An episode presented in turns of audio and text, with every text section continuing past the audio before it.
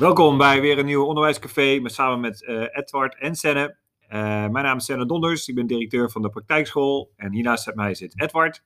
Ja, ik ben Edward, directeur van het Rijgenbos in Zevenhuizen.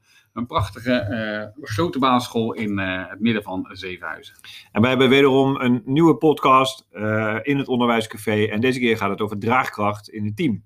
En hoe zorg je ervoor als directeur dat je het team daarin ook serieus meeneemt in je beleidsstukken?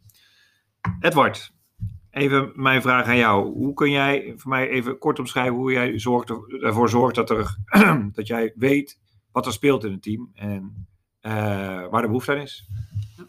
Nou, wat ik altijd doe is dat ik het heel erg belangrijk vind dat het vanuit de leerkrachten zelf komt. Dus je bent heel erg op zoek van uh, hoe kan ik nou de stem van de leerkracht goed ver veranderen, ver nou, zeg maar, in het beleidsplan van uh, de school. En dat kan eigenlijk op heel veel onderwerpen. Vandaag zoom ik even bijvoorbeeld in op het jaarplan. Hè. Dat is een van de plannen waar we nu mee bezig zijn. Van hoe ziet het volgend schooljaar eruit? Wat gaan we dan aanpakken?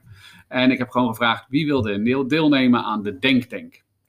Nou, de Denktank is eigenlijk een bijeenkomst van een aantal collega's die dat leuk vinden.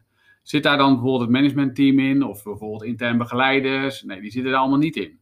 Daar zitten leerkrachten in die het leuk vinden om mee te denken over waar gaan we met de school naartoe.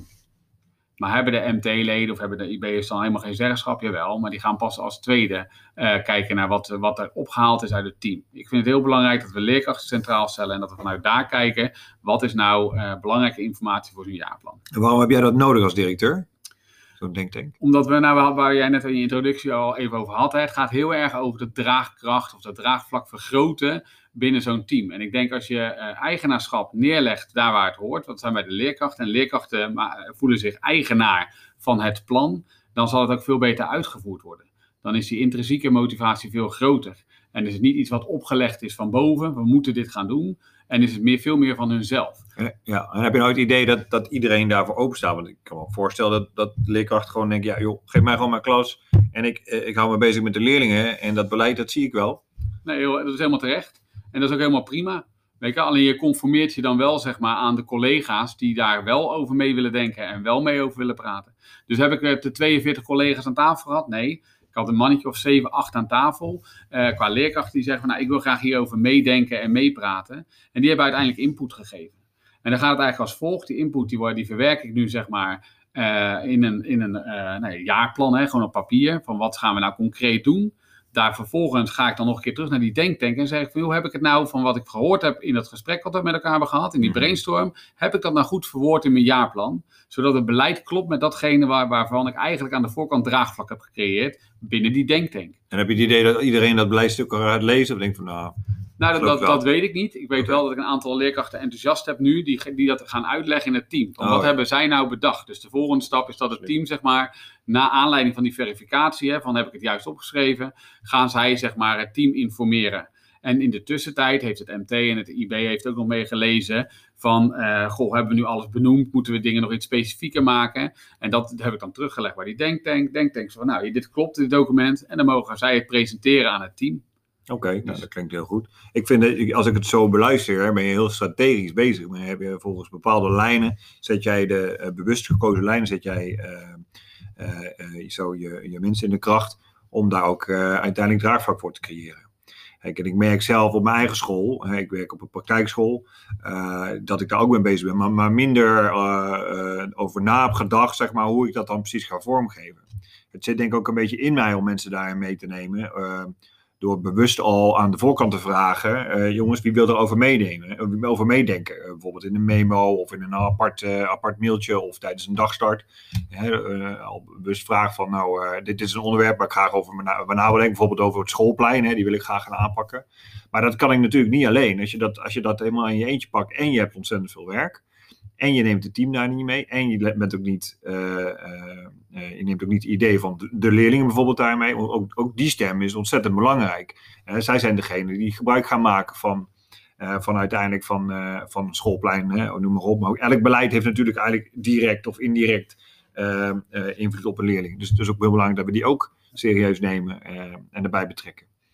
Uh, dus en vanuit, vanuit die gedachte, zeg maar, om met elkaar in gesprek te gaan, en, vaak zit ik daar dan ook bij, maar soms ook niet, uh, probeer je draagvlak en je draagkracht te creëren onder elkaar. Ja. En ga je dan ook nog een stukje verder, want dan heb je zo'n mooi groen schoolplein straks ontworpen. Je hebt naar iedereen goed geluisterd.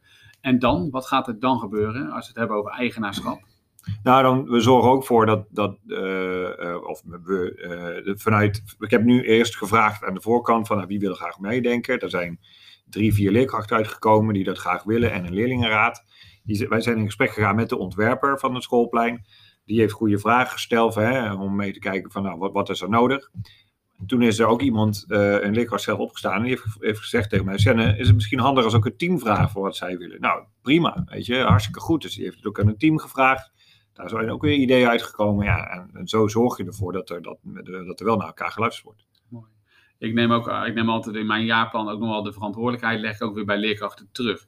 Dus als ik dan zeg, hè, van, nou, we hebben nu met elkaar een denktank bedacht. Dus ik ga een aantal teamleden verantwoordelijk maken voor de verschillende onderwerpen die in zo'n denktank staan. Mhm. Of die in het jaarplan staan. Want uh, dan, dan heb ik veel meer eigenaarschap. Dus dan blijven wij als MT, uh, IB groep, zeg maar, het onderwijsteam noemen we dat bij ons op de Rijgenbos.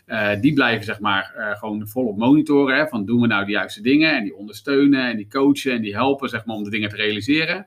Maar uiteindelijk de verantwoordelijkheid ligt bij de leerkrachten zelf. Dus we maken een groep leerkrachten verantwoordelijk per onderwerp die het met elkaar gaan oppakken. Dat het ook daadwerkelijk eigenaarschap krijgt bij het team. Van, hè, en uiteindelijk kan je dan ook hè, kan je met elkaar voor mij alleen maar verdere mooie stappen maken. En wat doe je nou als iemand niet mee wil in, in, in, in een bepaald beleidstuk of zich toch niet gehoord voelt? Wat, wat, doe je dan?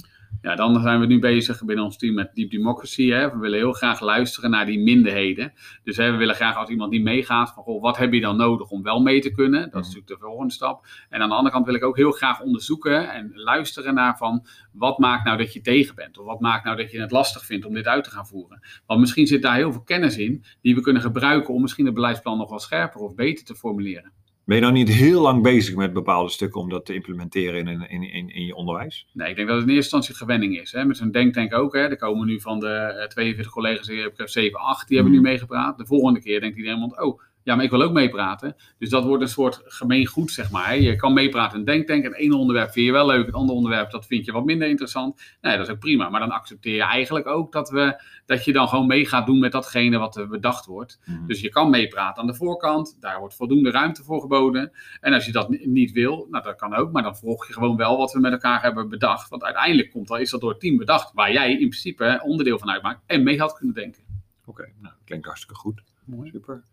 Nou, dankjewel. Heb je nog een nabrander verder? Nee, geen Nee? vandaag. Oké, nou, dankjewel voor het luisteren. Eh, dit was weer een onderwijscafé, deze keer over, eh, over draagkracht in het team. Ik hoop dat jullie er wat aan hebben gehad. Mocht je een keer willen meepraten, dan, eh, dan horen we het graag. Dank je.